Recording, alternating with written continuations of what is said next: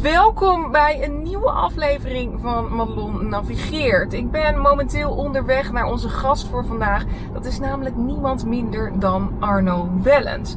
En Arno is publicist, schrijver en journalist. En hij weet onwijs veel over de eurozone en over de economie. En in het bijzonder de combinatie tussen die twee. En bij het grote publiek werd Arno vooral bekend door zijn video over de Deutsche Bank. Al publiek verklaarde hij Deutsche Bank failliet.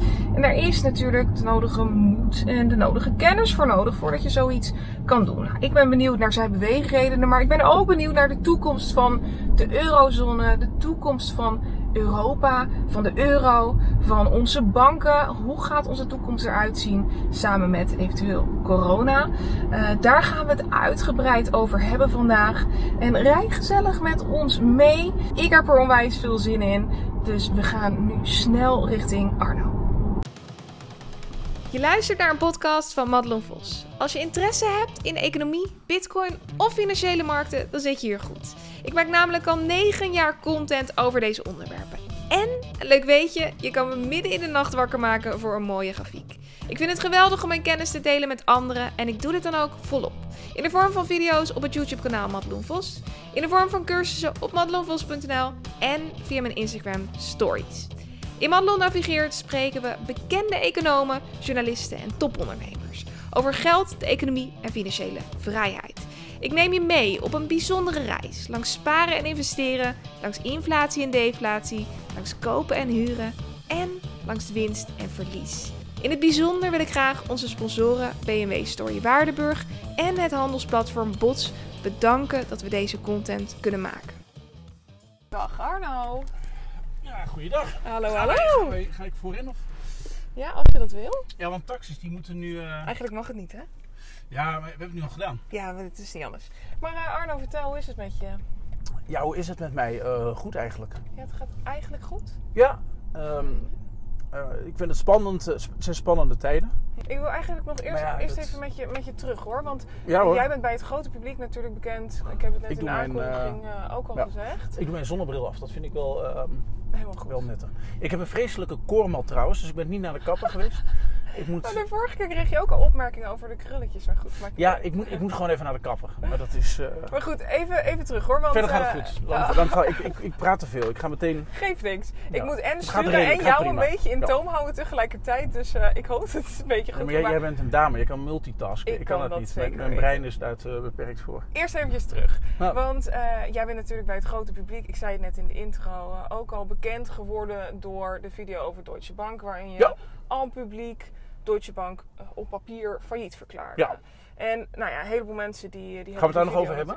Nou, niet uitgebreid, maar een heleboel Hmm. mensen hebben natuurlijk die video gezien. En wat ik me dan afvraag is, hoe kom jij zover dat je daadwerkelijk voor jezelf eh, de stap durft te zetten om te zeggen: Nou, ik heb dit geconcludeerd. Ik zie dat hier iets misgaat. Ehm, en ik ga dit naar buiten brengen. Wat, wat is de weg die jij daarvoor bewandeld hebt? Hoe ziet jouw verleden leuke vraag. Eh, leuke vraag. Ik heb, ehm, eh, ik heb een aantal, bij een aantal banken ook gewerkt. Eh, dus ik- heb het Dexia Labouchere schandaal van dichtbij meegemaakt. Ja. Dus ik was een arme student economie. Ik had geen Mhm. geld. Toen zag ik een eh, advertentie in de krant. Beleggingsadviseur, goede verdiensten, geen ervaring vereist. En toen dacht jij: Dit is het. hey, gratis geld. Dat was het ook. En dat, Ja. dat is de, de, op die manier heb ik de beurscrash van eh, 2000 meegemaakt. Mhm. En met Labouchere en Legio hebben we... ehm, uit mijn hoofd was het bij een paar honderdduizend mensen... hebben we 7 miljard euro aan vermogen vernietigd. En er zitten, nu zijn de laatste mensen al uit de schuldsanering... daardoor, door wat wij toen hadden uitgeroten. Is dat was iets... nog allemaal legaal, maar goed, toen zat ik erop. Toen dacht ik, hé, hey, Ja. dat kan dus. Dus banken kunnen hele gekke dingen doen, kunnen eraan kapot gaan. Nou, daarna heb ik, eh, eh, ben ik toch nog weer de boeken ingedoken. Heb ik eh, eh, andere bijbanen maar gezocht, zal ik maar zeggen. Ehm, toen, Andere eh, bijbanen in de zin van? Ja, of naast de studie. Oké. Daarna heb ik bij KPMG gewerkt, een accountant. En hoe oud was je toen? Eh, wat was ik toen? 25 of 26. Ja. Was niet mijn, mijn ding. Het ligt niet aan het bedrijf. Het is verder gewoon een goed, heel professioneel bedrijf. Alleen het werk stond mij totaal niet aan. Zeer repetitief. Alle respect voor KPMG, de accountant enzovoort. Iemand moet dat doen. Mhm. Maar dat was niet voor mij. Ik heb daar, ben daar te snel in gegaan, niet over nagedacht. Ehm, maar toen zat ik toevallig wel aan het begin van de volgende crisis. Dat was heel interessant eigenlijk. En toen zie je dat die banken die gaan weer zulke patronen eh, laten zien. Dat ze En dat was in Heel veel uitlenen. 2007. 2007 was dat, Ja. ja. Nou, ik werd daar heel ongelukkig sowieso van het eh, repetitieve werk. Via een gemeenschappelijke vriend, Jort Kelder, leren kennen. Mhm. En die zei, als jij nou journalist wordt, dan ehm, ben je de enige in ons eh, vakgebied die de jaarrekening van een bank kan lezen. Dus jij ging van een goed betaalde baan eh, bij KPMG Ja, met, met alle respect. richting journalistiek. Ja, het, dat, ze hebben het piramidemodel of het up or out model. Dus aan de top wordt goed verdiend. Ja. Ik geloof niet dat die mensen eh, zich zo- zorgen hoeven te maken over eh, of ze de huur eh, betalen. Uh-huh. De mensen hier om ons heen wel, die hebben het een stuk moeilijker. Ja, ja. Dus voor die senior partners zeker niet. Maar aan het begin is dat niet heel. eh, Maar het salarisperspectief van een journalist is natuurlijk gewoon verschrikkelijk slecht. Ja, precies. Le- ook leuk Nog- om dat even te zeggen. En dat is Misschien nog zo. wel slechter dan, eh dan Nee, ja, bij hoor. KPMG. Ja, omdat. ehm, en eh, oeh, die moet je wel voorlaten. Of rij. Nee, ja. Wie? Nee, nee, toch niet. Je loopt zo traag. Ja, zoals op 10 meter, maar ik loop Er- zelf als er- een kip zonder kop. Er dus- wilde iemand oversteken, maar Ja, ik ga mij niet bemoeien eh, met het verkeer. Dit is gewoon helemaal jouw. eh, Ik doe dat zelf ook altijd. Geef niks. Ik doe mijn best. Je me ophaalde bij die rotonde, daar heb ik ook een keer bij het afrijden een, een, een dingetje gehad, een klein botsinkje. Oh, nee. Dus die keer werd niet mijn afrijden, dat was daarna. Maar Maar goed. goed, we in waren ieder bij, geval, ja, we waren bij journalistiek. Nee, Ja. toen heb ik. Toen ging ik naar quote en precies toen vielen al die banken om. Dat was perfecte ti- timing. Want dan was het de vraag van hoezo kan een bank failliet gaan? Eh, wat is Maar een toen CEO? vielen al die banken om. Eh, waar doel je dan op? DSB, eh, Ja. Fortis, SNS. Ja. Ehm, En hoe heb jij dat toen ervaren? Want dat was in 2008, neem ik aan. toen dacht ik, hé, hey, dit is een patroon. Ja. En ehm, je kunt eh, daar boeken over lezen. Je hebt Hyman Minsky, dat is een Amerikaanse econoom. Mhm. boek uit 1986 uit mijn hoofd. Daar heeft hij eigenlijk de crisis van een jaar erop al voorspeld. Of de savings and loans crisis. Namelijk dat banken, beleggend publiek, overheden, die, maken, die vallen steeds in hetzelfde patroon. Dus dan krijg je een crisis. Dan leren mensen ervan. Dan wordt de sector gereguleerd. Wordt er, ehm, ehm, eh, dan wordt er, ehm, er worden de maatregelen genomen om een volgende crisis te voorkomen. ja. En hij zegt volgens En mij dan- ook dat en dan- één keer in de zeven of tien jaar... Juist, bingo, eh, dat is één. Oké, dat is stap één. Daar zijn we inderdaad. Ja. Ja. Ehm, en dat is inderdaad, je hebt dan een ander boek, Mania's, Panics and Crashes van eh Herr Kindelberger. Ja. En die zegt dat is om de 7 tot 10 jaar. Ehm, daar maken mensen dezelfde fout en dat gebeurt nu weer. Mhm. Er wordt nu gezegd, oh, ja, twee, oh, zelfs twee verdieners kunnen niet genoeg hypotheek krijgen om hier een woning te kopen. Nou, moet je die hypotheeknormen toch versoepelen? Krijg je nog meer krediet. Nou, zo is het fout gegaan met Lehman Brothers in 2005. Ja, dus er is te Dus- veel krediet verschaft. Er is te, te veel krediet verschaft, alles gaat omhoog. Dan komt er een gebeurtenis, een externe schok, bijvoorbeeld corona, en dan stort het weer in. En dan moet je dus afschrijven op die leningen. En de, de, de, sector die, die al die leningen verstrekt, dat zijn natuurlijk de banken. Wacht even, Dus hoor. even, even probleem. nog voordat we naar corona gaan. Ja. Maar even terug naar 2007, 2008. Jij eh, werkte toen dus nog bij Quote. Je zat Ja. er bovenop. Je had door, dit, dit gaat mis. Ja, want, Eh, ik moest Dirk Scheringa voor de quote 500 uitrekenen. Dus ik had die kerel Ah. gebeld. Hij zei, ik ben een miljard waard, ik ben een miljardair. Ja. Ik ben, de- ik ben de eerste self-made miljardair.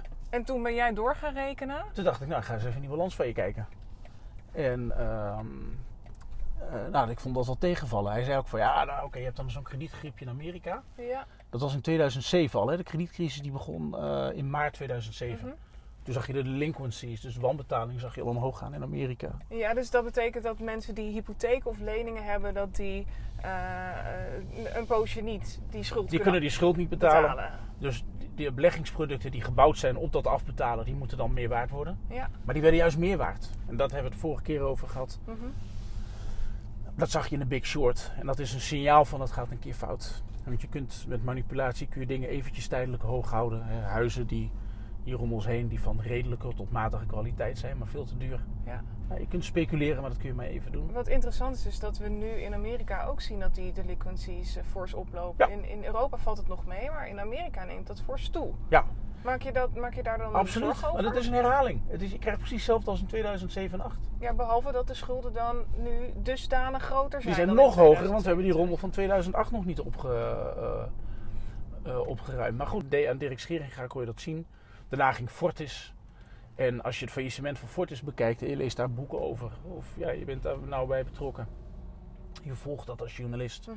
Ja, je kan dat gewoon naast de, de, naast de gebeurtenissen bij Deutsche Bank en ABN AMRO leggen. Ik kan me herinneren dat jij zei dat je bij de groep zat die de laatste ver- accountantsverklaring van Fortis ondertekende. Heb ik dat goed? Ehm, ik moet even, ik moet, even ehm, kijk, je hebt, je hebt daar wel een geheim, eh, een geheimhoudings... eh, zeg je, zeg ik nu beding, dingen een boetebeding met, eh, er zit ook, in mijn hoofd was 25.000 euro. Je moet ook niet over die dossiers enzovoort, maar men zou op mijn LinkedIn kunnen kijken.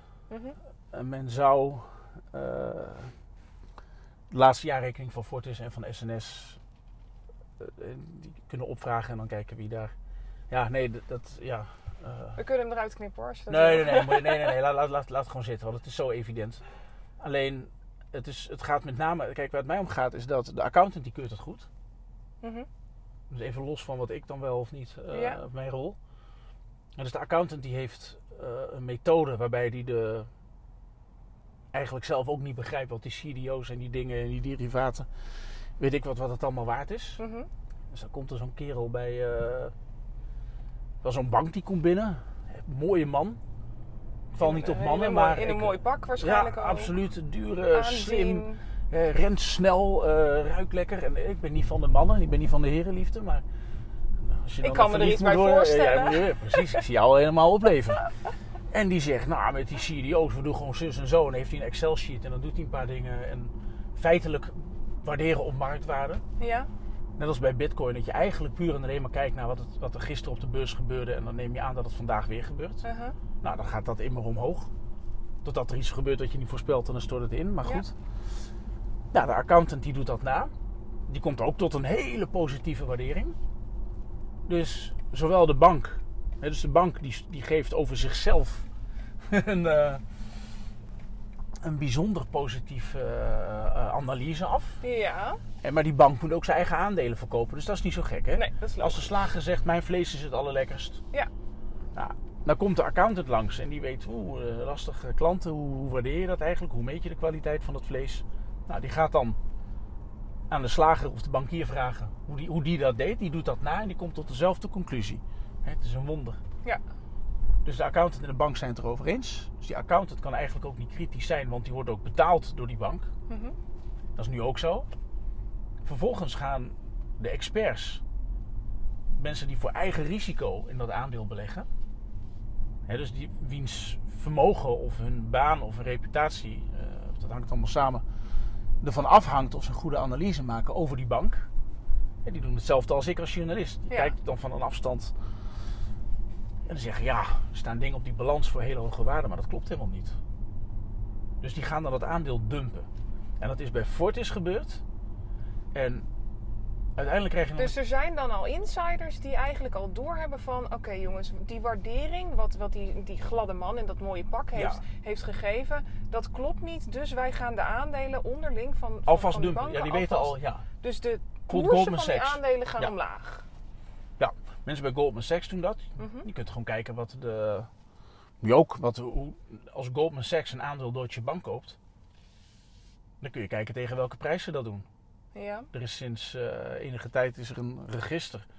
waarbij banken moeten vertellen welk belang ze in een andere bank hebben. Mhm. Omdat ze anders stiekem een belang kunnen opbouwen en dan hebben ze een overnamestrijd. Dan Ja. krijg je dat. eh, Dus om dat te voorkomen moeten ze vertellen wat ze hebben gekocht en tegen welke prijs. Nou, als je kijkt, AB, eh, Deutsche Bank, dat wordt gekocht door Commerzbank en eh, nou, dus dat is de grootste concurrent in Duitsland met de meeste kennis. Dat aandeel van Deutsche Bank wordt gekocht door Commerzbank Goldman Sachs.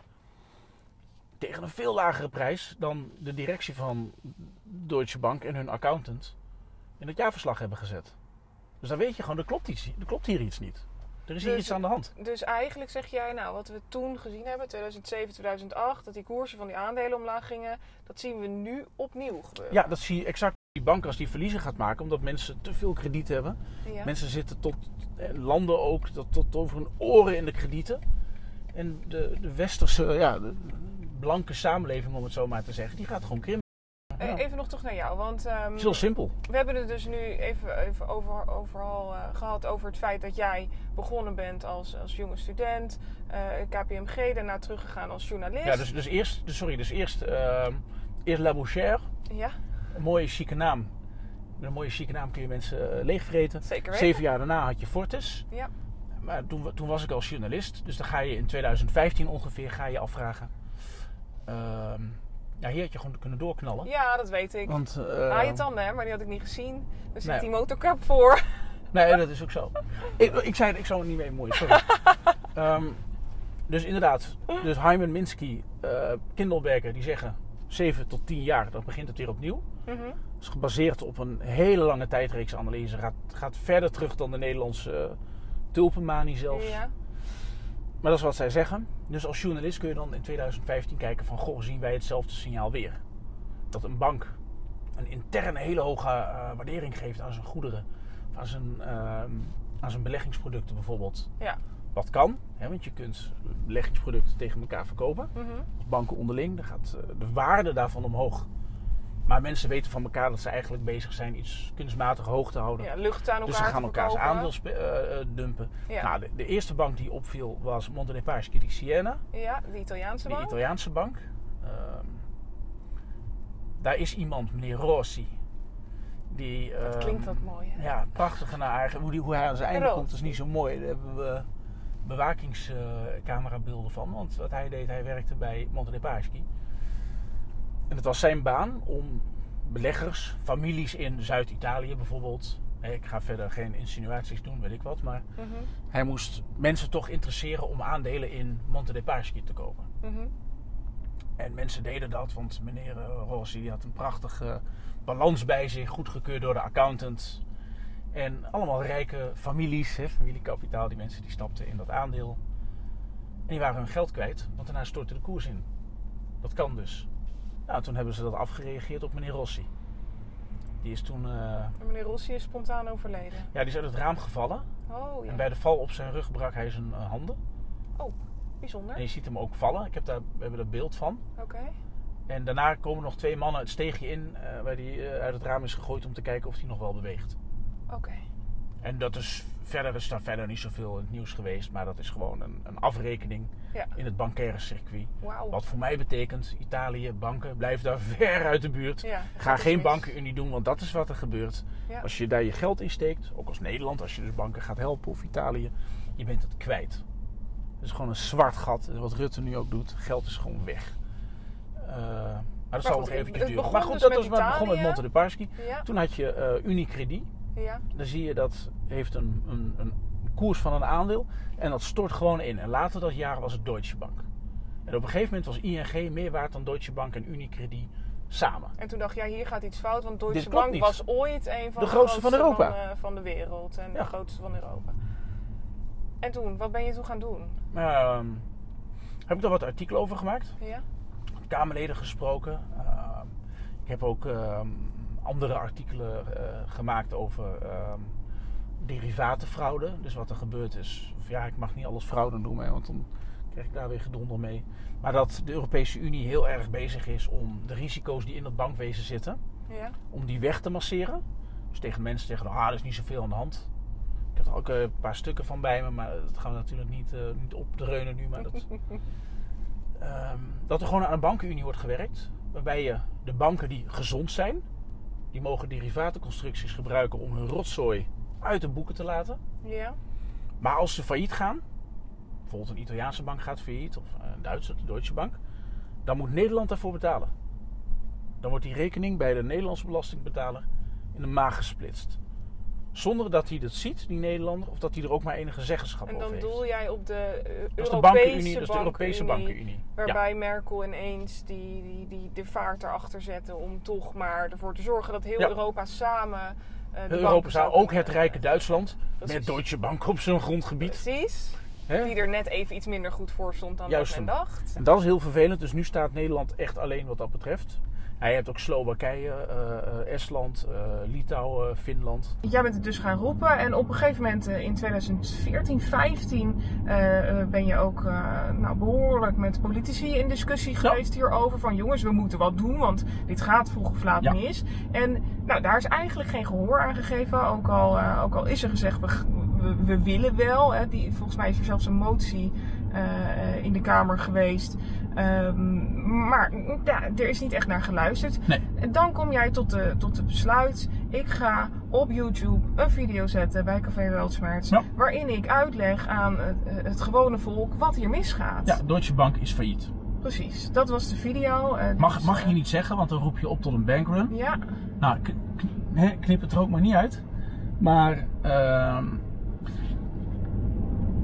alle, alles wat Lehman Brothers en Fortis deden in 2007 en 2008, ja.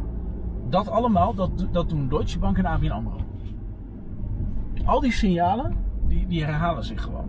Dus een van de dingen die bijvoorbeeld ABN AMRO heeft gedaan, is dat ze kapitaal versterken. Ze willen hun balans versterken, ze zijn eigen vermogen aan het aantrekken. Maar goed, dat, dat is dus wat je doet als je stress hebt. Dan ga je je eigen vermogen versterken. En ABN AMRO doet dat en Deutsche Bank doet dat. Maar jij hebt dat dus, eh, dus aan de grote klok gehangen en, en die video daarover gemaakt. Ja, dat was na die je- video. Ja. He- heb jij je eh, toen al. eh, had je toen al voor jezelf duidelijk wat voor consequenties dat kon hebben?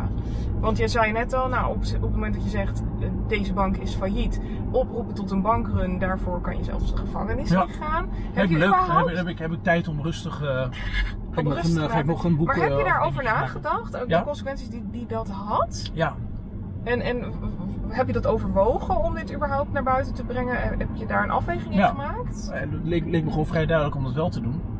Kijk, wij leven, in- ik noem dat zo, het, het tijdperk van de brave journalistiek. Ja. Heel veel dingen die ik noem, die kunnen mensen gewoon eh, eh, zelf opzoeken op de website van de Europese Commissie bijvoorbeeld. Weet je, mensen zeggen vaak tegen me van, oh, je bent zo'n complotdenker, weet je wel. Dat is allemaal niet waar. Het is allemaal, het, het, het, het- En als je dan eh, even op de, op de stoel van de, het van de duivel gaat zitten. Ja, European Stability Mechanism Guideline on the Backstop Facility to the SRB. Als mensen dat googelen, wat houdt dat in? de, dat is het Europees Stabiliteitsmechanisme. Dat mag landen en banken redden naar eigen inzicht. Ja. Daar heeft de Nederlandse belastingbetaler dus ook geen grip meer op. En daardoor haal je dus ook. De, het, het Nederlandse parlement kan niet meer zeggen: oh, die bank of, die, of die, dat land moet je niet redden. Er is dus een aparte ambtenarenclub, een aparte ehm, eh, juridische entiteit gebouwd. Mhm. Die zelfstandig banken en landen kan redden, bijvoorbeeld Griekenland. En als Nederland nu zegt: ja, wij willen helemaal niet dat dat gebeurt. Hè, Stel dat er een. eh, Heb je daar geen inbreng? dan heb je daar geen inbreng meer in. Dus Is dat dan een soort van fonds waar dat geld ja, uit dat heet het ESM, het Europees ehm, Stabiliteitsmechanisme. En als dat verlies maakt, dan kan dat Rutte opbellen en zeggen: Jij hebt zeven dagen om elk bedrag op tafel te leggen dat wij nodig achten. En omdat dat fonds bestaat, zijn marktpartijen weer bereid gebleken om geld aan Griekenland uit te lenen enzovoort. Daarom daalt in dat land de rente, in dat land de rente weer. Ja. Maar het is gewoon puur omdat Nederland garant staat. En dan moet je dus voorkomen dat Nederland zegt van, ah, we hebben net een regeringswissel gehad. We hebben hier geen zin meer in. Nou, om dat te voorkomen is het budgetrecht bij Nederland weggehaald. Oké, dus Nederland heeft We geen hebben, in, meer we hebben daar op dat vlak. En, en als ik dan Ja. even al, als gewone burger ga, op de stoel van de gewone burger ga zitten, Hm? is dat dan erg? Ja. Wat maakt het uit als Nederland die banken redt? Boeien. Nou ja, je bent je geld kwijt. En hoezo? Je bent je geld kwijt? Ik bedoel, als je, een, als je geld stopt in een failliete boedel, boedel dan is dat toch weg. Daarom Ja, DSB ook niet gered. Nee, precies. Maar als je kijkt naar bijvoorbeeld een Deutsche, eh, als, als daar geld in wordt gepompt, eh, in, in de vorm van eventueel eh, bijvoorbeeld een bad bank of iets dergelijks, waarbij je dus eh, gaat kijken naar, nou, hoe kunnen we die bank nog overeind, of, overeind houden, zodat we in ieder geval die betaaloptie eh daar houden. De- de- Ehm. hier hebben we het de vorige keer over gehad. Dit is, dit is afpersing. Dit is morele chantage. Want je kunt die betaalfunctie uit die bank slopen. Ja, Dan kun je gewoon nog geld pinnen en dan kun je nog lekker op de markt je kaasje kopen. ja.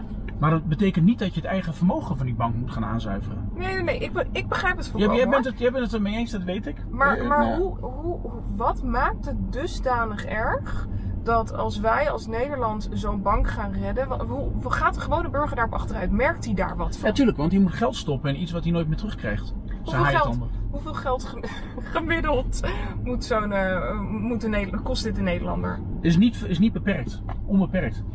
Dus op Nederland het staat moment dat. Deutsche, dat Deutsche Bank eh, eh, ja, failliet zou gaan, Als Deutsche Bank failliet gaat en stel dat er een schade ontstaat ehm, eh, die ver boven die stootblokken eh, die daarvoor gebouwd zijn uitgaat. ja, Want daar hebben we het over, anders los je het maar lekker intern op. ja, Ehm, dan, dan is er een, een Single Resolution Fund. mhm, En dat wordt gevuld door de banken zelf. Dat moet in 2024 af zijn. Hopen dat er dus niet voor 2024 ineens een plotselinge crisis komt. Nou, die is er dus Die niet. is er al. Dus Ja. dat fonds is niet vol en zou sowieso te klein zijn. Nou, wat staat hier dan? Artikel eh 1.2, 1 aim en scope van de draft guideline, agreed draft Mhm. van nieuwe wetgeving die Nederland zelf voorstelt. Ja. Dus Mark Rutte en ehm eh, Wopke Hoekstra die zeggen ja, ja, we probeerden die eurobonds in, in Brussel nog tegen te houden. Maar ik heb hier gewoon een agreed draft. Een draft, een voorstel van Rutte en Hoekstra waarbij ze zelf zeggen... Hè, dan, hè, als dat fonds niet genoeg geld heeft, nou, dan moet het maar geld van Nederland krijgen. Is dus, dus Rutte doet dat altijd. Hè, van, ja, nee, ik probeer het nog tegen te houden in Brussel. ja, precies. Maar eigenlijk. Maar ja, ik, ik, ik spelletje. moest wel, want ja, de druk was zo groot. Nee, het is een draft. Hij stelt het voorstel zelf op. Ja. En daarom had hij, dat zei ik de vorige keer ook al, daarom heeft hij die ruzie. Hier staat hij gewoon, lieve mensen. Draft. Hij, hij maakt het zelf. Hij Daarom zeggen ze, daarom, precies, daarom zeggen die eh, mensen in de Europese Raad, Merkel, Macron en eh, de, in, in, de, eh, in de Eurogroep, dus waar de minister van Financiën van de Eurozone samenkomen, die zeggen, wat, wat loop je tof te doen? Want je hebt zelf die draft ingediend. Maar waarom is er dan niemand die zegt van, hé hey jongens, wat gebeurt er hier? Ik ben de enige journalist die dit leest. En maar het staat hier letterlijk. Loans under the dan? backstop facility. Ja, dus de backstop. Ja? Die moet je dus, dus, dus stel Deutsche Bank gaat failliet. Ja? Dan moet je de aandeelhouders aanslaan. Maar dat is niet genoeg. Daarom gaat die bank ook kapot. Mhm. En in Nederland zal dat eh, in eerste instantie ABN AMRO zijn. Mhm. Nou, dan moet, het, dan moet er een fondsje zijn dat die bank gaat redden. Ja. Maar dat wordt gevuld door de banken zelf. En daar zit net het probleem. Er zal extern geld bij moeten. Ja. Nou, dus als dat bankenfonds, hè, dus het fondsje dat die banken zelf maken, als dat op is, ja, dan moet er dus een backstop komen. En dan staat er loans under the backstop facility may be granted to, nou, dat bankreddingsfonds, Ja. only as a last resort. Het mag niet zomaar, maar het gaat dus wel. And to the extent it is fiscally neutral in the medium term. En fiscally, dat betekent betrekking hebben op de begroting. Hier wordt gewoon een Nederlandse begroting erbij betrokken. Dus dit betekent dat Maar ze de, is- ja. de begroting dusdanig kunnen gaan oprekken om alsnog die banken overeind te houden. Ja, want als je die failliete boedel gaat redden, ja, dan moet ergens geld vandaan. Maar waar, ik, ik begrijp niet waarom En, en maar gewoon neutral, hè? Neutral, dus het komt op lange termijn komt het wel terug. Net als met Griekenland. Ja, Alles dat komt terug met rente. Ja, precies. Dat is Ja, dan, vraag. precies, maar dan zit je geld erin en dan durf je als Nederland ook niet meer uit die eurozone. Want ja, dan, heb je er, eh, en dan zit je er gewoon al te diep in. Maar Zo even maar. We hebben het nu, nu gehad over, over de banken. Dat is, eh, dat is helder. Ze staan er niet goed voor. En de kans is groot dat de boel. eh, de- dat een behoorlijk aantal banken hier problemen mee krijgt. Het heeft het, het corona-verhaal hier ook nog het een en ander mee te maken. Ja, Want we zitten natuurlijk midden in een crisis op dit moment. We Ja. zien dat banken de ene na de andere miljoenen, al dan niet miljarden, in de stroppenpot eh gooien. Ja, dat is dus te weinig. Het is nog steeds weinig, zeg Ja. jij. Eh, Ja. dat, dat wordt ook door andere eh, journalisten wordt dat beaamd. Ja. Ehm, wat kunnen wij daarmee? Wat, wat zegt dit? Dat we nu weten dat banken zich hier wel mee bezighouden. Want in feite gaat het er natuurlijk over dat zij zich realiseren. Er zijn heel veel kredieten verschaft. Er zijn heel veel leningen eh, uitgegeven. Zowel in de vorm van hypotheken, maar ook zakelijk. Heel veel daarvan gaat niet terugkomen. Ja. Dus we reserveren alvast een bedrag daarvoor. Ja. En jij zegt dus dat gereserveerde bedrag Dat is niet genoeg en dan zal er dus extern geld bij moeten. Maar dat vind ik heel vals. Want als je met name in andere Europese landen kijkt, wie de grootste aandeelhouders zijn in die banken, Mhm. dat zijn vaak miljardairs. Ja, klopt. Berlusconi heeft een bank, eh, Unicredit zie je dat, heb je een Franse miljardairsfamilie. Dus ze spekken eigenlijk de bankrekening van de miljardairs. Ja, het is omgekeerde solidariteit. Dus wij zeggen tegen die zorgverleners, hè, onze zorghelden, ik vind dat zo om te kotsen. Dit, sinds Aquasi mag je dingen zeggen, maar ik zal het niet zeggen. Mensen weten waar ik op doel. Mensen die zeggen, we klappen voor ons de zorghelden. What the fuck? Die mensen die vragen al decennia, of in ieder geval al jaren om fatsoenlijke beloning. Krijgen ze niet. Hè, ze worden op de nullijn gezet, maar Nederland gaat wel de Deutsche Bank redden. De, twee grootste aandeelhouders van Deutsche Bank, dat zijn ehm, twee fondsen die ehm, via een belastingontwijkconstructie heel ver weg, hè, ze zitten ergens in de Bermuda en de Cayman-eilanden enzovoort, daar zitten de grootste aandeelhouders van Deutsche Bank. Mhm. Die betalen zelf geen belasting, hè? maar die krijgen wel Nederlands belastinggeld. En dat is eh Al-Thani, dat is de, de dictator van, eh, van Qatar. Oké. Die heeft eh uit mijn hoofd 3% van Deutsche Bank. Dat is een van de rijkste mensen op aarde. Zo. En die, En wordt, Qatar, die zijn portemonnee wordt dus gespekt. die ga je redden. Ik zou zeggen, hé hey, Galit, het is jouw bank. Ja, red hem zelf. Red hem zelf maar. Hoezo moet je in Nederland op zorg en op politie gaan bezuinigen? En ik zeg altijd BTW op baby, babyvoeding omhoog doen. Ja, Want dat ga je dus krijgen. De BTW in Nederland gaat omhoog. ja. Dat is iets wat je ook concreet verwacht. Absoluut, maar dat staat. Dan zeggen mensen, oh ja, daar gaan ze weer. Oh ja, die met een complotdenken. Eh over toevallig, ik heb het hier voor me. Oh, toevallig. Ehm, Rutte, die gaat dus drie maanden lang, doet hij alsof hij ehm, probeert zijn poot stijf te houden in Brussel. ja. Ehm, wordt hij daar belachelijk gemaakt, want hij heeft al lang toegegeven. Mhm. Het was zijn eigen voorstel, hij was erbij. Maar goed, dat, dat hebben we nu besproken. Ja. Nou, dan wordt er gezegd, nou, er moet er dus een apart fonds komen om crisis op te lossen. Ja. Ehm, en dan gaat de BTW omhoog. Is dat dan dat Europees stabiliteitsmechanisme of is dit dan nu weer iets anders? Dit is dat, dat coronafonds. Het coronafonds. Oh ja, het coronafonds. Maar Maar, dat, dat, daar is zit dat, indirect. daar zit het ESM ook in. Precies. Het is gewoon de manier om, om eigenlijk Brussel meer middelen te geven. Want hoe, hoe ziet dat coronafonds eruit? Ehm, nou, dat heb ik hier toevallig, wat een- toeval. Dat heb ik hier ook voor me. Waar het eigenlijk op neerkomt, is dat de Europese Commissie, Ja. die mag zelfstandig geld lenen.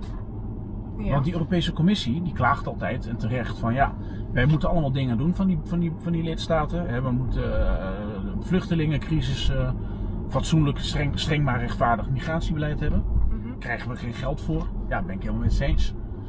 Ja, moet je dus afvragen of je wel open binnengrens wil hebben, maar dat terzijde. Maar die, die Europese Commissie zit altijd te klagen, ja, we hebben geen middelen.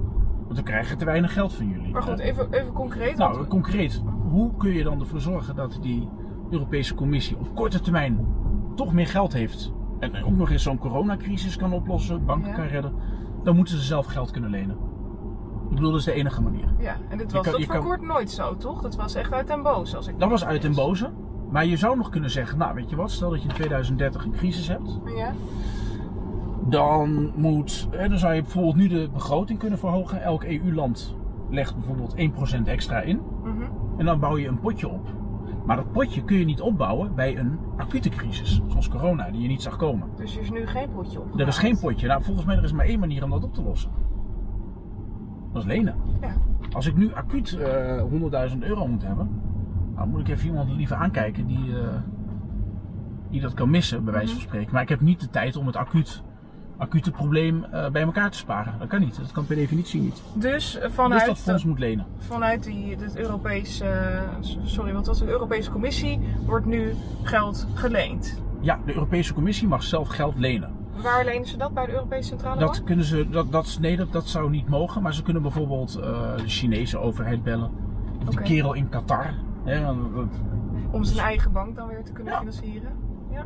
En dan, maar alleen dan zullen die mensen, het is gewoon vermogende mensen, eh, eh, obligatiebeleggers, die kunnen obligaties van Nederland kopen. Mhm. Die staan hoog aangeschreven. Ja, want, Want de kans Nederland- dat Nederland omvalt is relatief klein. Die is klein, want Nederlanders zijn makke schapen als de overheid eh, de belastingen hier belachelijk hoog opgooit. Mensen komen nauwelijks rond. Ze zullen toch betalen. Mhm. Nederlanders hebben een, een hoge betaalmoraal, maar dan moet je dus uitkijken dat je niet wordt gepakt. Eh, maar op dezelfde manier kun je obligaties van de Europese Commissie kopen. Dan ga je beleggen in schuldpapier van de Europese Commissie. Alleen de Europese Commissie die mag zelf niet belasting heffen. Dus die heeft geen inkomstenbronnen waar ze die rente uit kunnen voldoen. Hoe gaan ze die rente dan betalen aan die buitenlandse investeerders? Eh, nou, dat is een goede. eh, dan moeten ze dus own resources hebben. Ja, En dat staat hier letterlijk. VAT-based own resources, artikel 144, UNCTO, artikel maar dan is 74 wel de vraag waar die own resources vandaan komen. Dan moet de Europese Commissie, zelfs, oeh, waar gaat dit? Jeetje, het stom dat ze niet even wachten. Nee, een beetje irritant. Maar goed, Ja. we zijn niet zo heel breed, dus dat scheelt.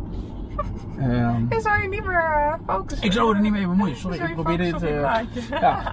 Maar kijk, die Europese Commissie, die moet gewoon zelfstandig kunnen zeggen, wij gaan een belasting verhogen in Nederland. Ja. En dan gaat het over BTW. Ah. Want het voordeel van BTW, en dat hebben we ook wel toevallig, eh, of niet, hebben we dat in eerdere filmpjes genoemd. Ehm, BTW is meteen in werking. Dus als je zegt, je gaat de BTW op eten omhoog gooien. Ja, dat krijg je Je moet toch binnen. eten, dus dat krijg je gelijk binnen. Ja. Dus de Europese Commissie kan zeggen, nou, wij gaan, eh, eh, ja, we gaan de BTW in Nederland verhogen. Dan hebben die renteinkomsten Of tenminste, dan hebben we die BTW-inkomsten. Die Mhm. kunnen we, dat gaan we dus door heel Europa doen, die kunnen we afzetten tegen rentebetalingen op een bepaalde obligatie. Ja. Dus je krijgt een nieuwe overheid. Er is een nieuwe overheid. Dat heeft Rutte gewoon geïnstalleerd. Dus je betaalt straks belasting aan de, aan de Nederlandse Commissie. regering en aan de Europese regering. Oké, en vanuit die, die BTW gaat de Europese Commissie dus die schulden weer, eh, die, de rente Ja. op die schulden weer Ja, betalen. precies. Want dan zegt bijvoorbeeld een rijke Chinees of, eh, of een rijke Arabier, zo'n oliefonds, zegt of nou wij zijn bereid om de Europese Commissie geld uit te lenen. Ja, Maar wij willen een bepaalde rente hebben. Hoe ga jij die rente eh, betalen? Nou, dan zegt Ursula von der Leyen. die zegt ja, het zijn eurobonds, dus de belastingbetaler in al die eurolanden gaat het betalen. Mhm. En als de Griek het even moeilijk heeft, dan springt de Nederlander extra bij. Zal vooral daarop uitkomen. En ik wil nog heel even met je naar, eh, naar En dat, en dat is allemaal open en bloot. Ja. Ja, want er is dus niemand die dit zegt. Jij bent de enige die, die dit Er, is, er is niemand die die, deelt. die die verdragen leest. En, en het stomme is. Snap jij waarom, waarom niemand dat leest? Ja, want het is een, ja, het is een euro. Is het gewoon het, saai of het, het is eh, lastig. Kijk, je kunt beter ehm, heel druk maken om een maatschappelijk probleem. Zeg je, oh, ik vind racisme heel erg ineens. Weet ik veel. Dan, dan kom je. eh, een- van de best gelezen artikelen op Telegraaf. Kun je gewoon zien wat daar best wordt gelezen. Dat is dan van. Arie Boomsma vindt Johan Derksen toch geen racist. Oh, of zo. Ja. Weet je wel, dat soort dingen. En, eh, Je kunt beter ergens iets van vinden dan dat je... ja, je moet ergens iets van vinden. Een relletje eh, en een dingetje. ja. En dan zijn er de celebrities. En dan hebben, eh, heeft eh, Bridget en Katja, die hebben hun slipje weer ergens laten liggen. Gaan ze door elkaar. Is het van, ja, is die nou voor jou? Eh, moeilijk, moeilijk, moeilijk. Ja, dus mensen, Nederlanders zijn excessief hard bezig met dom vermaak. Intussen hebben ze een premier gekozen die ze gewoon eigenlijk... Ja, sorry dat ik het zeg, maar nogmaals, agreed draft, dus een voorstel van Rutte en Hoekstra zelf, die ze gewoon voorliegen. En ze laten dat gebeuren. En het is een, het is een vervelende boodschap om te brengen. Dus ik merk het ook wel eens bij verjaardagen, dan word ik tegen beter weten in. Nodigen ze me dan toch uit en dan zeggen ze: hé, hey, hoe gaat dat met dat filmpje en dit en dat? En Ja, dan, hoe zit het? ja, dan sta je op een gegeven moment alleen in een hoekje. Of je wordt helemaal niet meer Komt uitgenodigd. het dan omdat het zulke eh, lastige materie is? Dat mensen dit gewoon niet eh, begrijpen? Ehm, het is dat. ehm, maar het is niet zo moeilijk te begrijpen. Ik bedoel, ja, je hebt een bank die heeft te veel moeilijke of te, te veel eh, slechte leningen verstrekt. Die gaat eraan kapot. Ja, maar dan- zit. dan ja, dan moet er je- extern geld bij. Maar Ja. het is wel handig als iemand je dat eventjes uitlegt. Ja, nou, dat doe ik dus in die filmpjes. Daarom maakte ik dat filmpje van Deutsche Bank. Want toen wist ik dat dit eraan zat te komen. Dat is ook december 2019, dat filmpje van Deutsche Bank. Zo lang was- geleden alweer. Ja, en toen was corona was nog niet. Dus ik wist niet dat corona eraan zou komen. Maar er wordt wel dit fonds gebouwd. En dat doe je met een reden. Wanneer gaan we hier meer over, eh, over horen? Over voelen misschien zelfs wel. Nou, het is, kijk, nu kunnen die banken eerlijk zijn en hun, eh, hun rotzooi vast beginnen te dumpen. En... Daar hebben we ook al gezegd, einde van het jaar. eh, dan moet je de balans opmaken. En dan, dan komt toch die volle rottigheid in zijn, eh, in zijn volle glorie naar boven. Ik bedoel, je, kan, je, je, kunt, je kunt de rommel op je balans ook als bank, je kunt dat niet oneindig ehm, ehm, tegen die hoge wa- waarderingen houden. Mhm. Dat zag je bij Fortis, dat zag je bij Lehman Brothers en dat zag je bij DSB. En dan komt er dus een acuut moment dat ze hun eigen vermogen moeten versterken. Ze zien al dat dat gebeurt. Dus Fortis die ging op een gegeven moment Gaddafi van Libië bellen. Ja. Van, hé, hey, heb jij niet wat geld? Wil jij niet eh, investeren in aandelen Fortis? Ja, Terwijl er niks aan de hand zien zou dus zijn. nu inderdaad die aandelenkoersen al, al, al laag staan. Die staan laag, dus dan Ja. moet je proberen toch via creatieve methoden moet je proberen je eigen vermogen te versterken. Mhm. Dat doe je maar met één reden. Eigen vermogen versterken, dat doe je omdat je je indekt tegen toekomstige grote verliezen. Ja. Net als dat je een pistool koopt. Voel jij je veilig? Ja hoor, maar ik ga wel een pistool kopen. Maar dat heeft niets te maken met eh, dat ik me niet veilig... eh, Nee. Dus dat. Ehm, Maar wanneer merken we dat dan? Want dat we- merk je dus aan het einde van het jaar. het dus nu want al dan, een beetje ja, want dan, gaat, ja, want dan gaan die accountants die de jaarrekeningen van al die brakke banken hebben goedgekeurd. Die zeggen dan van oeh, eh, ja, 2007, 2008 herhaalt zich. Die zullen Mhm. dit ook kijken en die denken, hmm, eh, herhaalt de geschiedenis zich niet. Ja. En ehm, dan zullen ze toch afboekingen eisen. Waardoor de bank daadwerkelijk een verlies laat zien op zijn eigen vermogen. Ja. Ehm, dan zit je aandelenkapitaal, dus het eigen vermogen dat je dan ook op papier daadwerkelijk in je, in je bank hebt zitten, dat is dan te laag. En dan eist de wet dat je je eigen vermogen gaat versterken. En dan moet je aandelen uitgeven tijdens een recessie in een klimaat waarbij journalisten, die het wel lezen, en de buitenlandse journalisten zijn hier wel mee bezig. Ja. In Die Amerika eh, heb je gewoon een betere pers, ook in Frankrijk. Ja. En dan denkt iedereen van, oeh, maar wacht even, ik moet jouw aandeel kopen. Maar mijn aandeel Deutsche Bank, dat zit al vijf jaar in, in, in- stort dat de afgrond in. Mhm. Nou, dan gaan die banken geen eigen vermogen kunnen aantrekken. Dan gaan ze kapot. Dat zal zich begin volgend jaar, denk ik, ontvouwen. En In de jij- aanloop naar hun jaarcijfers. Ga jij hier dan nog een, een, een belangrijke rol in spelen? Ga je dit, dit Ik had gehoopt. op de voet volgen? Ik had Of- gehoopt dat eh, wat ik nog, wat ik, het laatste ding wat ik nog probeer te doen, wat ik kan doen, Ja. Is dat, kijk, de Nederlandse belastingbetaler die moet uit de buurt blijven van dat bankenreddingsfonds. Dan kun je zeggen, ja, Europese solidariteit, we moeten het samen doen en Poetin is zo eng, weet je, dan krijg je allemaal dat soort. Daar, daar gaat dit helemaal niet over. Je moet oude schulden oplossen en die zitten voornamelijk bij je banken. Maar de vraag is Dus je moet die banken gaan redden. Dus die- het is solidariteit. die, die Europese economie, die, die- er is niet één Europese economie. De, Nee. de, de economieën liggen zo ver uit elkaar. Noord en Zuid zijn Ja. zo ver van elkaar verwijderd dat je eigenlijk misschien in de basis wel zou moeten zeggen: Nou, dat Europa, dat kan misschien maar beter uit elkaar getrokken Ja, ik denk dat je dat, dat wordt sowieso tijd om dat te doen. Ja. Maar dat had je dus eigenlijk vijf jaar geleden moeten doen. Maar kijk, in dat coronafonds van we gaan de E- Europese economie stimuleren, dat is onzin. Mhm. Want als je, als je 27 landen hebt, Ja. Die allemaal zien dat hun economie met 10% krimpt, Mhm. dan gaan ze samen geld op elkaar bij, op, in één potje leggen. Ja. Hoezo maakt dat het beter? De, de enige manier waarop dat potje een effect kan hebben op de reële economie, is als het ene land meer inlegt dan een ander land. Mhm. Ik bedoel, tien, ik vergelijk het wel zo. Ja, als, je, als je tien daklozen hebt. En dan zeg je, ja, die gaan samen elkaars dakloosheidprobleem oplossen. Dat kan niet. Dat kan helemaal niet. Dus het enige wat kan gebeuren is een soort herverdeling. Dat de een die toch nog iets van een huis heeft, dat hij al die anderen eh, ga- gaat opvangen. Mhm. Er moet, er moet iets van een beweging zijn tussen die, ehm, tussen die potten onderling. Het is niet zo van, ja nee, we leggen allemaal 1 euro in en dan eh, is die euro, diezelfde euro meer waard omdat die in een potje zit of zo. Dat, dat is niet zo. En het gaat hier gewoon puur om het feit, hoe kun je, eh, hoe kun je eigenlijk eh, toch die banken redden? Want daar is men al eh, zeven jaar mee bezig. Wat zou jij doen? Want jij hebt dus in 2014, 2015 al gezegd: we moeten nu iets gaan doen. Niemand luisterde toen naar jou. Nee, nu gaat het dus fout, lijkt ja. me ontzettend vervelend. En nu zie je dat het gewoon misgaat voor je ogen. En nog Ja. steeds Rutte danst aan de pijpen van, van Angela Merkel. Wat, wat zou jij nu doen? Wat, wat zou je ze aanraden? Ik hoop dat er, ehm, dat er heel binnenkort een schandaal uitlekt. Een schandaal in de zin van? Dat, ehm, bedenk het maar, een een of ander ranzig seksschandaal Mhm. in het kabinet. Eh, bedenk zelf maar een, eh, Mooie storyline, een ja? storyline. eh, en dat, je, dat het kabinet dan valt, ruim voor de volgende verkiezingen. En ook ruim voor, ehm, voor het einde van het jaar. Dus er moet een nieuw kabinet komen. Ja, zeg maar kijk, het, het probleem is dat de verkiezingen, die zijn na 31 eh, eh, december 2020. Dus stel dat er dan een, een regering komt die zegt, wij willen dit helemaal niet, want die kijken dit filmpje en dat doen ze ook, trust me, ik stuur het ze toe. maar die kijken het filmpje en die zegt, hé hey, wacht eens even, wij moeten ons helemaal niet garant gaan stellen voor Deutsche Bank, wat is dat voor raar gedrag?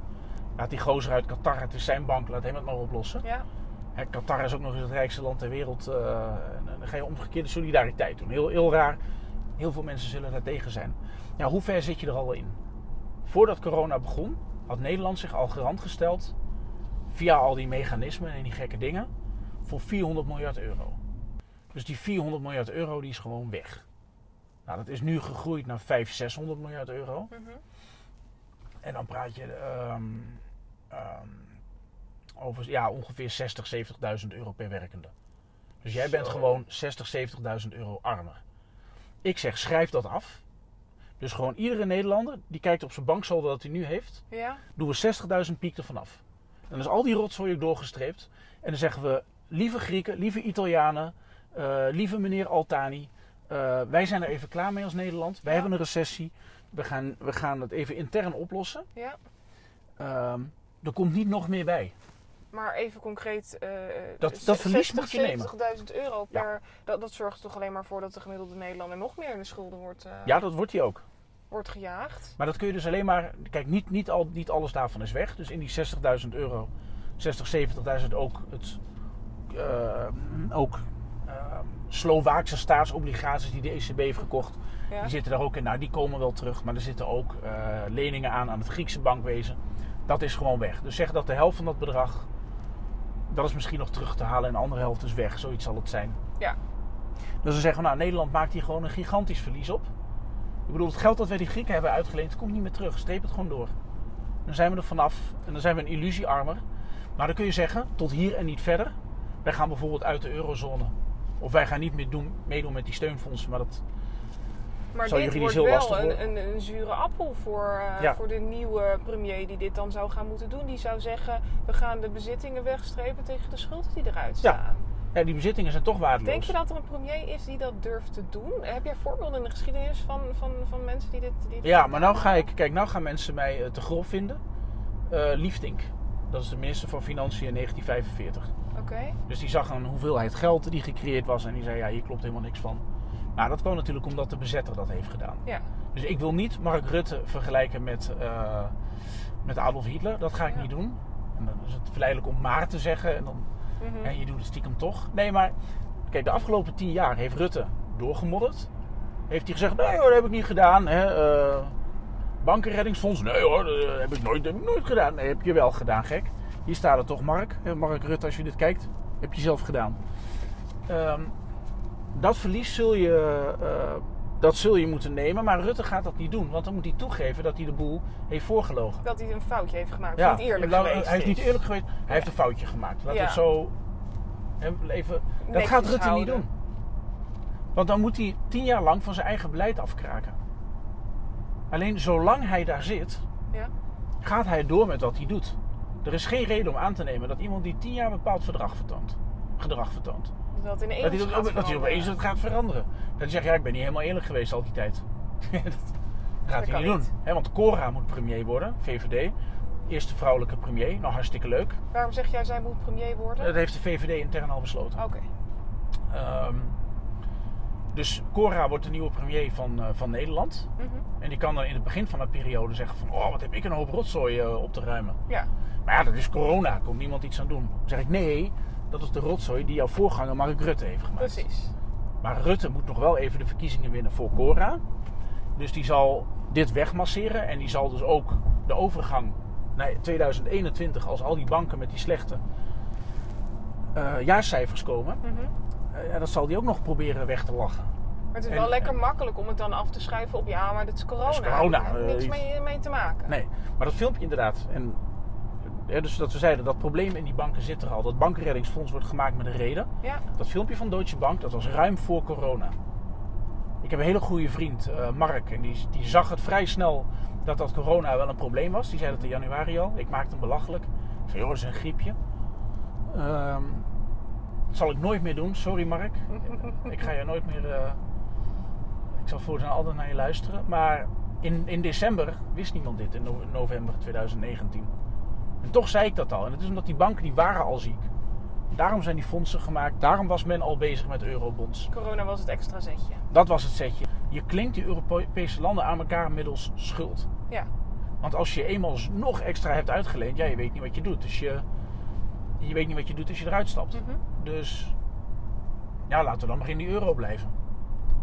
Hoe ingewikkelder je het maakt, hoe meer die landen aan elkaar vastzet, hoe meer Nederland via die ondemocratische mechanismen uitleent aan andere eurolanden, ja, hoe ingewikkelder het is om eruit te stappen. Ik heb jou wel eens eh, de vraag gesteld wat jij zou doen eh, als gewoon burger zijnde op het moment dat je dit weet en dat je dit ziet aankomen. En eigenlijk omzeil jij altijd die vraag. En ik heb het idee dat daar, dat daar wat achter zit. Wat zou, ja, nee, wat zit erachter? Ik, eh, ik, ik zou jou namelijk een ontzettend mooie, eh, of mooie, ontzettend goede minister van Financiën vinden. Ja, maar ik heb het al eens gezegd. Ik kom binnen en ik, trek al die, ik streep al die rotzooi door. Ja, daarom juist. Ja, dan ben ik dan een week.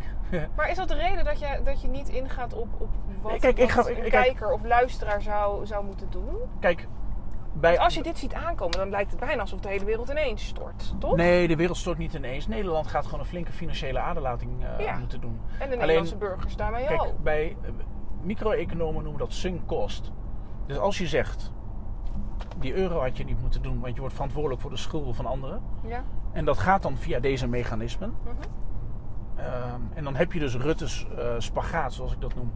In Brussel wel tekenen en in Den Haag ontkennen dat je dat doet. ja. Als ik minister van Financiën zou worden, dan moet ik dealen met het feit dat Rutte al maken. 60 tot 70.000 euro per werkende Nederlander in die pot heeft gegooid. Ja.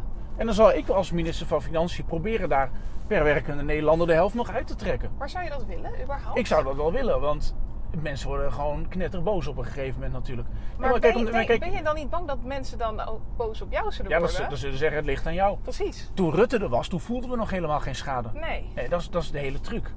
Daarom moeten jullie op Cora gaan stemmen. Dat, dat is de truc van Rutte. Zo wint hij de verkiezingen. Dan kan hij iemand anders de schuld geven. Maar je zegt, ontwijk ik de vraag? Nee, Nee, er kan Elke- een politiek correct antwoord. Laten we nee er is geen politiek. Het is, het is een feit.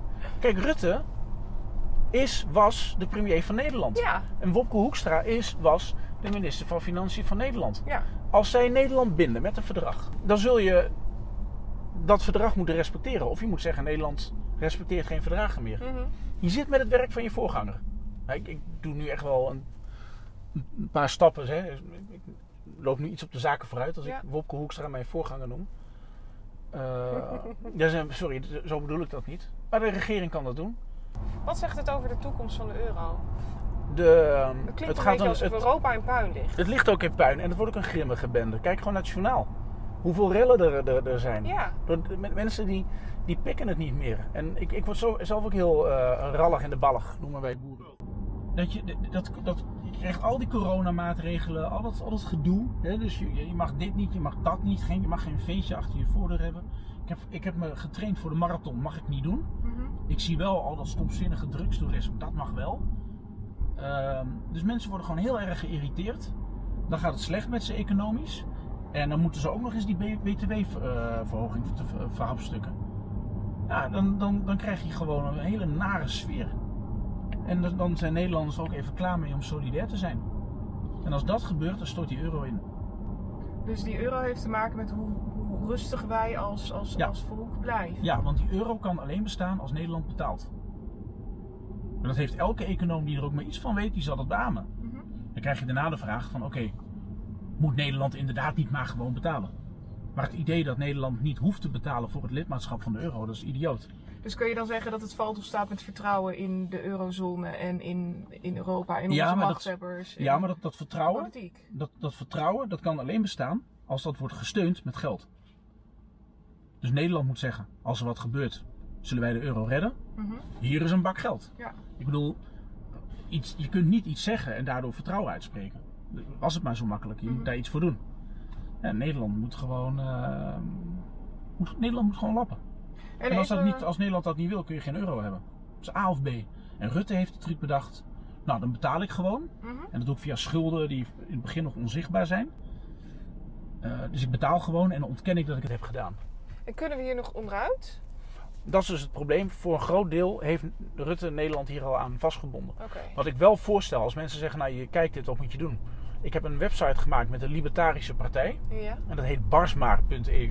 oké. En dan kun je zeggen, barsmaar. Nou, dat is niet aardig zeg. Mag het niet wat inclusiever, wat socialer? Nou, Ja. niet als het om die eh, miljardairs gaat die aandeelhouder zijn van die banken. Ja. Dus er moet geen bankenreddingsfonds komen. En ik wil dat daar nog één keer een groot debat over komt. Op 18 december 2018 was er een debat in de Tweede Kamer met de commissie Financiën. Waarbij Martin van Rooyen van 50PLUS zei... "Hmm, meneer Rutte, u bent in Brussel geweest en u heeft toch carte blanche gegeven voor eurobonds. Want dat is namelijk eh, de voorloper Indirect van... wat er gebeurd ja. is. Ja. Eh, dat was toen al lang besloten. Want er werd gezegd, ja, dat, dat, zo'n bankenreddingsfonds moet een fiscal capacity hebben. Maar het leek pas alsof het een, een maand geleden besloten is. Nee, het was in 18, 18 december 2018 was Ja, het al precies. besloten. En dat was voorbereid bij de Eurotop eh, in aanloop daar naartoe van eh, 25 mei 2018. Het lag al jaren in de pijplijn. Maar toch En hebben al ze die documenten een met fiscal capacity. Ze hebben een een spelletje gedaan. gespeeld voor de bühne. Voor de Doen alsof het heel moeilijk was en alsof ze heel hard Ja, overlegd eh, hebben. precies. Maar je, je had het al lang toegekend. En dan staat er in de eh, handelingen van de Kamer van 18 december 2018... er staat heel netjes... De, de regering is in de Europese Raad akkoord gegaan met de bankenunie. Mhm. Met een fiscal capacity. Het staat er letterlijk. Alleen niemand leest, geen enkele journalist leest de handelingen van de Tweede Kamer. Want ze zijn te druk met het slipje van Katja Schuurman. Het dat dan weer ergens ligt. Ehm, en, maar ik lees dat dus wel, dus ik zie die documentatie. Als mensen, als ik, als mensen mij heel erg bekritiseren, dan lees ik het nog eens en denk ik, ja, ik ben toch niet gek? Ja, ik zie het hier gewoon staan. Ehm, dat is toen dus gebeurd. En toen heeft Martin van Rooyen gezegd, wij moeten hier een groot Kamerdebat over voeren. En Wopke Hoekstra heeft dat geweigerd. Wopke Hoekstra die praat überhaupt ook niet echt met mensen. En dan is er een heel eh, plan voor een, eh, voor een bank met een depositogarantiestelsel of een ander geldstelsel. Daar zal je ook alles over hebben gelezen. Mhm. Komen er allemaal leuke mensen met goede initiatieven enzovoort. Ja, Wopke Hoekstra die luistert daar niet naar, die gooit dat gewoon weg. Want die wil een Europees depositogarantiestelsel en al die mooie eh, initiatieven wil hij niet horen. Eh, ik wil er niet mee bemoeien, maar er gaat iemand toeteren. Ehm, Sorry, dus dus hij eh, afgeleid. nee, geef, geef niet. Maar ja, toen zei hij van ja, dan gaan we. ehm, ehm, dan gaan, we gaan hier geen debat over voeren. Mhm. Wopke Hoekstra zegt op 18 december 2018: Ik heb de creditcard van Nederland weggegeven. Ja. Ik en Mark hebben dat gedaan. Mhm. Parlementariër Martin van Rooyen zegt: Ik wil hier een debat over voeren. Ehm, dat Is wordt geweigerd. Dat is, Oh, dat is geweigerd. geweigerd. Want Wopke Hoekstra wil dat niet. Het enige wat we nog soort van kunnen doen. ehm, is dat we ehm, de, de 40.000 handtekeningen clausule inroepen. Ah, vandaar die website dus. Vandaar die website. Dus ga naar de website barsmaar.eu. Gaan we doen. Ehm, als ik 40.000 handtekeningen heb, of wij, want dat doen we met de Libertarische Partij. Als we daar 40.000 handtekeningen hebben, dan kunnen we met een USB-stick met die handtekeningen naar de Kamer gaan. Ja. En dan kunnen we ze dwingen een een debat te gaan. voeren over. En vervolgens kun je dat, bad in drie, dat debat kun je in drie seconden laten doodslaan. Wopke Hoekstra kan dat doen. Die kan zeggen: Oké, volgens de wet moet ik dit debat voeren. Ik voer nu het debat. Toedeledoki, ik ga een biertje drinken. ja. Maar dan krijg je nog meer onrust. En daar hebben we het net over gehad. Wanneer die Dan nemen we de camera mee en dan kun je mensen bewegen. Ja, dat is het enige wat we nog kunnen doen voor de verkiezingen. Zo. Dat wordt spannend. Dus ga naar barsmaar.eu. Zet je handtekening neer. Eh, doe het wel goed en ook niet meerdere tegelijk, want dat wordt gecontroleerd we met de kiescommissie.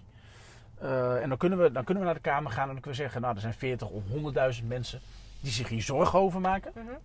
En terecht, want je geeft je, je, je, je, je geeft je creditcard weg in een systeem waarbij was afgesproken dat we dat niet zouden doen. En je gaat er in banken redden die heel wankel en corrupt zijn. En daardoor weet je ook niet precies hoe ziek die banken zijn. Voor wanneer heb jij die handtekeningen nodig? Eh, ja, eigenlijk morgen. Maar is er een moment waarop jij zegt... we moeten dit, dit ASAP eh, eh, fixen? Maar eigenlijk het liefst nog binnen. ehm, ik wil graag dat het debat voor 31 december er is. Oké. Want daarna komen die. Hè, want als er, dan, als er dan bijvoorbeeld in januari een bank omvalt, ik zeg maar wat. Ja. En dan kunnen we zeggen: Oh, maar gelukkig hebben we dat Single Resolution Fund. En dat moet nog groter worden en er moet nog meer geld bij van Nederland Ja. enzovoort. Ehm, dus het zou fijn zijn als je dat debat voor die stap doet. Dus voordat er een nieuwe bak met geld uit Nederland Gaat, ja, de weg gaat, moet je dat debat moet je ervoor voeren. helder. Voor zover dat juridisch eigenlijk nog iets. En nog want even, we zitten hè? er al zover in. We- Ja. We, zitten, we zitten nu midden in een crisis. Ja. Ook al lijkt het alsof het allemaal weer een beetje de goede kant op Nee. gaat. Dat is natuurlijk niet het geval.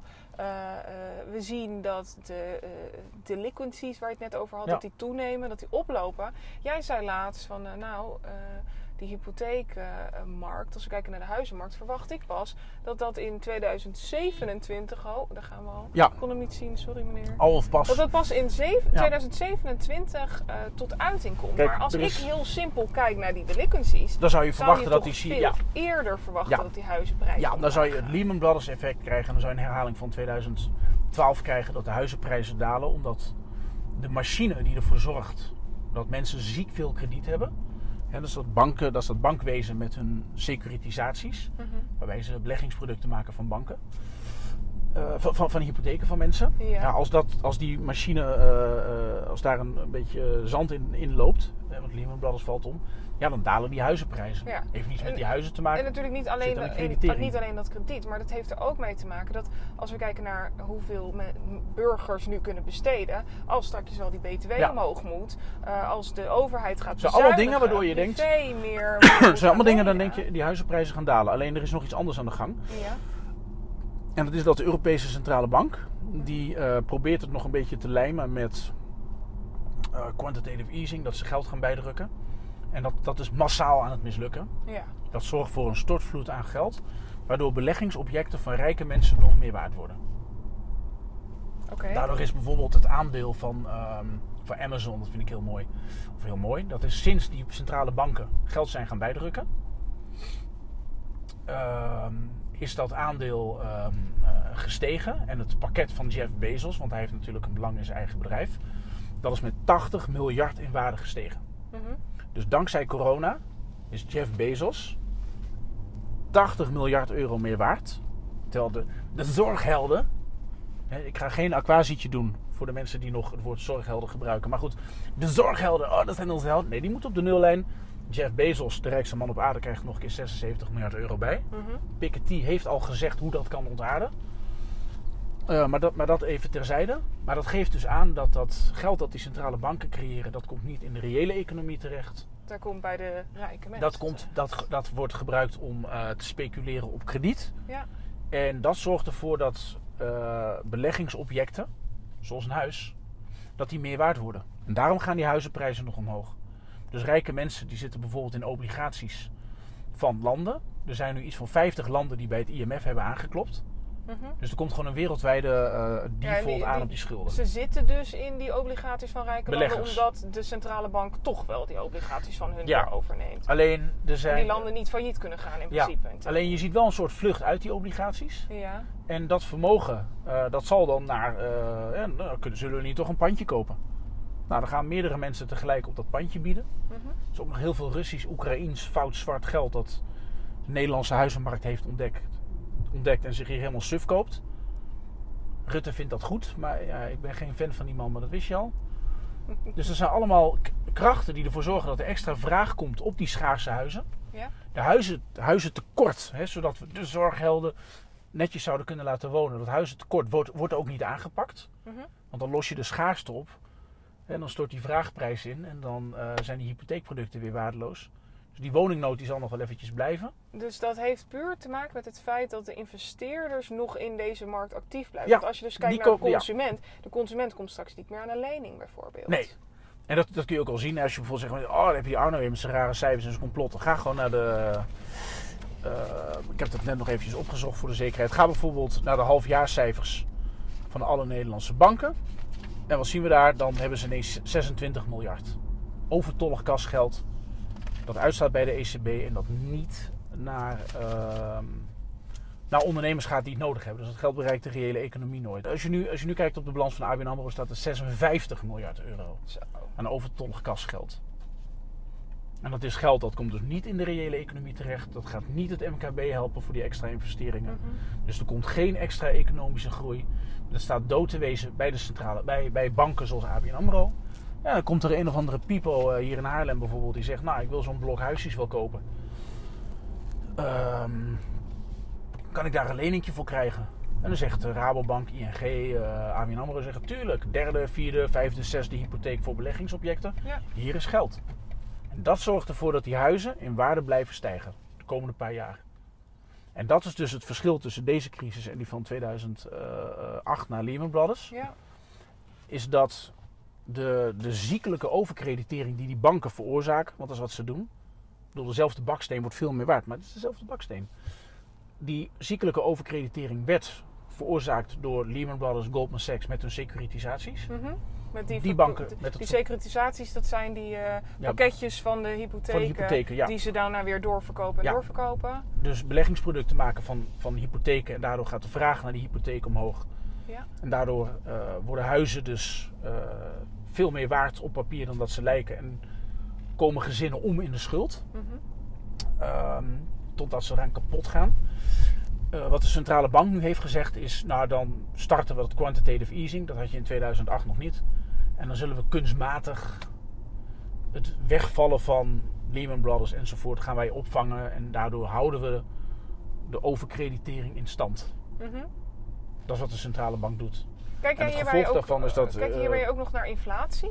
Of is dat iets wat... Ja, het geinige is dan zeggen we ja, maar er is geen inflatie. Dus de centrale bank moet dat doen. Hoezo er is geen Dat inflatie? lijkt zo, hè? Ja, Dat want als je huizen niet meerekent, volgens mij wordt het ook om die reden gedaan. Ja. Maar in dat inflatiecijfer, daar zitten, zitten huizen dan niet in. Nou ja, de huizen zitten er wel in, maar het gaat vooral om eh, wat het kost om een lening te nemen. Dus het gaat niet om de Oh ja, de rente. Ja, Maar precies. de rente wordt meegerekend. Ja. En zo zitten bepaalde dingen in dat mandje waarvan ik denk, huh, dit begrijp ik niet. Nee, dat begrijp precies. Je Ehm, moet de echte prijs van het je huis kan erin het op de website van de Europese Centrale Bank ook opzoeken. Ja. Dat is wel interessant je, te je, je zegt het goed. Ik was even... eh, Dus ze Ehm, nemen dus de huizen mee, maar ja, het is steeds goedkoper geworden om, eh, om, de, om die, eh, die hypotheken te nemen. Dus ja, dan- je ziet Ja, inderdaad dus de rente dat gaat omlaag. Dus maar precies, als je, dus, we, dus we hebben zo'n zorgheld bijvoorbeeld. Hè? Oh, nog even, even klappen hè, voor de zorgheld. Dat is heel belangrijk. Daarna ehm, ehm, duwen we die kop weer onder water. ja, En dan heb je een zorgheld die zegt, nou, ik verdien, eh, ik ben mbo-verpleegkundige. Ja. Eh, dan verdien je 2000 euro bruto per maand. Ehm, nou, dat zeg even, dat is 25.000 eh, per jaar. Dan kun je een huis kopen van 100.000 euro. Nou, als door dat effect wat ik net noem, het beleid van de ECB, en ze kunnen dat gewoon zien dat dat gebeurt. Als door het beleid van de ECB, als dat, wa- als dat huis van 100 naar 200.000 gaat, dan kan de zorgheld dat huis niet meer kopen. nee, precies. Dat wordt onbetaalbaar. En er is geen inflatie. Nou, dan moet je inderdaad hele gekke dingen gaan doen met hoe je dat bere- berekent. Nou ja, en daarnaast krijgen we dan dus de, eh, eh, hoe heet het, eh, BTW wat omhoog gaat. Ja. En we krijgen de prijzen in de supermarkt die wel al stijgen. Die stijgen nu Ja. overigens ook al voor. Ja, want je hebt su- supply chain effecten door, eh, door corona. De Dus- kappers die duurder worden, de restaurants die duurder ja, worden. want je, je hebt dan minder klanten, dus je zult je omzet moeten verdelen over eh, je, je, je, je, je vaste kosten als horeca-ondernemer moeten verdelen over minder mensen enzovoort. Dus natuurlijk gaat het omhoog. Wat zou jij de kijker nu aanraden om te doen? eh, brace for impact. Zorg dat je lief bent voor elkaar. Ga niet Mhm. radicaliseren. Ga niet de verkeerde mensen de schuld geven. Eh, dat noemen ze altijd de andere skokenden. Ja. Zo noemt Hans Steeuwen ze. En Brace for Impact betekent dat dan een extra spaarbuffertje inslaan? Ja. Of betekent dat dan op de goede Alleen partij dan zeggen stemmen? de, ja, of eh, sowieso op de goede partij stemmen. deze video's bekijken of Dat- meer inlezen? Stem in godsnaam niet op, eh, op de VVD. Kijk, als je diep eurogelovig Mark bent. Rutte gaat deze video ook zien, hè? Ja, Mark Rutte, je bent, je, bent een, eh, je bent gewoon een boefje. Wat jij doet kan echt niet. Gewoon mensen voor de gek houden. Zo, nou, ik hou mijn poot stijf in eh, Brussel. eh, van, eh, nee, moet geen coronabot. Nogmaals, Mark Rutte, draft. Je hebt het zelf voorgesteld. Ga niet op Mark Rutte stemmen. Het Maar moet, ga nu niet... een, het moet nu niet een te politiek praatje worden, hoor. Dus, eh, Nee, maar bij, bij wijze van spreken. Maar, als Ja, je, ja. maar ga, niet- ga niet op de VVD maar stemmen. even het niet. concreet, dus je moet op de goede mensen stemmen. Je moet zorgen dat je je inleest in dit soort onderwerpen. Een buffertje financieel voor jezelf aanhouden. Ja, want dit gaat... Kijk, dat corona, dat gaat niet mooi worden. Ehm, Ook al lijkt het alsof het nu al over is. Ja, maar kijk. Ik was, ik was bij- laatst bij een horecagelegenheid. Mhm. Heb je 21 tafels. Ja. Ehm, en dan zeg ik, oh leuk dat je weer open kan. En, eh, heb je dan minder? eh, Dan zegt hij, ja, maar ik heb nu maar 15. Ja. 15 tafels, want eh, corona, afstand enzovoort. Komt er zo'n boa. Zo'n, echt zo'n, nou goed, ik zal daar ook maar geen kwalificatie aan geven. Maar die zijn van die bloedhonden die, oh, kan je al moeten geven. Ja. Terwijl die, waarschijnlijk kan die ondernemer dat niet betalen. Maar als jij van, van 20 naar 15 tafels gaat. Ja, dan gaat je omzet Dan, heb je gewoon, dan gaat je omzet met een kwart omlaag. Ja. Ik weet niet hoeveel ondernemers in marktsectoren jij kent die eh, een marge hebben van een kwart. Ik ken niemand. Nee. Maar als jouw vaste kosten gelijk blijven, zoals je huur of de hypotheek op je, op je, op je bedrijfspand, Mhm. en je omzet gaat met een kwart omlaag, dan ga je gewoon die hypotheek op een gegeven moment niet meer betalen. Dat kan niet anders. Kun je zeggen, hey, je bent wel open. Ja, open, open. Dus dat zijn, dat zijn die verborgen faillissementen. Dat komt allemaal nog. En dat komt dus inderdaad wel, zeg jij. Dat komt wel. En dan, dan gaan mensen, dan gaan die delinquencies omhoog. Dan zitten die banken met eh, niet inbare leningen. Ehm, en dan hebben ze dus ook nog de rotzooi van de eurocrisis. Die ze ook nooit hebben opgelost, want dat is dus weggemasseerd. Ja, en dan gaan ze een verlies maken. En dan moet de BTW omhoog. Dan, dan gaan we eh, keihard bezuinigen. Nederland gaat naar een begrotingstekort van ver over de 100 miljard euro. Dat is niet houdbaar. Dus die bezuiniging die komt eraan. Er komt gewoon een bezuiniging van 100 miljard euro aan. Dat kan niet anders. En dat, dat, dat gaan mensen voelen. Wat zou jij de kijker mee willen geven als Teken, ja, voor nu wat je kan doen, je denkt, man, mensen, kinderen, waarom heb ik dit ook aangezet? Had ik maar, eh, hè, had ik maar, wat, wat, had ik maar eh, wat leuks gekeken. Ja, Ehm, het is best het, heftig. het enige wat ik, wat ik voor mensen, wat je op korte termijn op zeg maar, politiek niveau kan doen, op gemeenschappelijk niveau, om de schade nog een beetje te dekken, is dat je, dat je ons helpt om die 40.000 handtekeningen te krijgen. Ja. Want er kan daar een debat over worden gevoerd. Van wie gaan wij in godsnaam helpen? En hoe gezond zijn die banken eigenlijk? Dus Want het ik kan het aantonen dat die. laatste redmiddel om nog iets Ja, te doen. voor zover je er niet al te diep in zit. En ehm, dan kun je zeggen, oh, maar het heet bars maar. Dus ik zeg ook, die mensen moeten ook maar barsten. Vind jij dan ook dat die arme Italianen, die, die zorgmedewerkers in die ziekenhuizen, dat die dan moeten barsten? Nee, die zou ik wel willen helpen. Maar daar gaat het geld niet heen. Het gaat naar de eigenaren van die banken. Die ga je helpen. En dat moet je niet doen. Ehm, want dat zijn miljardairs. Mhm. En bovendien dus als omgekeerde solidariteit. Alles wat de Europese Unie nu doet en Nederland hè, zijn soevereiniteit afdragen aan de Europese Unie om om te gaan met corona, is gewoon solidariteit van arm naar rijk. De zorghelden die krijgen 0%. Jeff Bezos krijgt er 80 miljard bij. En die banken van die miljardairs die worden gered. Moet je, dat moet je dus niet doen. En als je dat wel zou doen, dan krijg je moral hazard. Dan bouw je aan de nieuwe crisis. Moral Daarom- hazard. Een moral hazard, dat wil zeggen dat jij risicovol gedrag vertoont als bankier. Want als jij een bankier bent en jij weet er komt een Europese redding. Dus jij bent een Italiaanse bankier of je bent de directie van Deutsche Bank bijvoorbeeld. En ze redden je toch wel. En je weet, oh ik word toch wel gered door die gekke Nederlanders. Dan leer jij niet van je fouten. En dan bouw je nu al vast aan de recessie van 2030. En om die cycle te doorbreken, moeten die banken gewoon kapot. En die banken laat je kapot gaan door ze niet te redden. Dat is heel simpel. Mhm. Ik zeg ja, ik ben wel bereid om solidair te zijn met eh, de mensen die hier op die school werken. Dus daar Of moet die over die- gesproken Daar moet worden. over gesproken worden. Maar ga geen geld geven in godsnaam aan banken. Dat is moral hazard. Dat werkt averechts. Nooit geld geven aan banken. En daarom persen ze je ook af met, die, met dat... Ja, maar wij doen ook de betaalfunctie en zo. Hè? Mhm.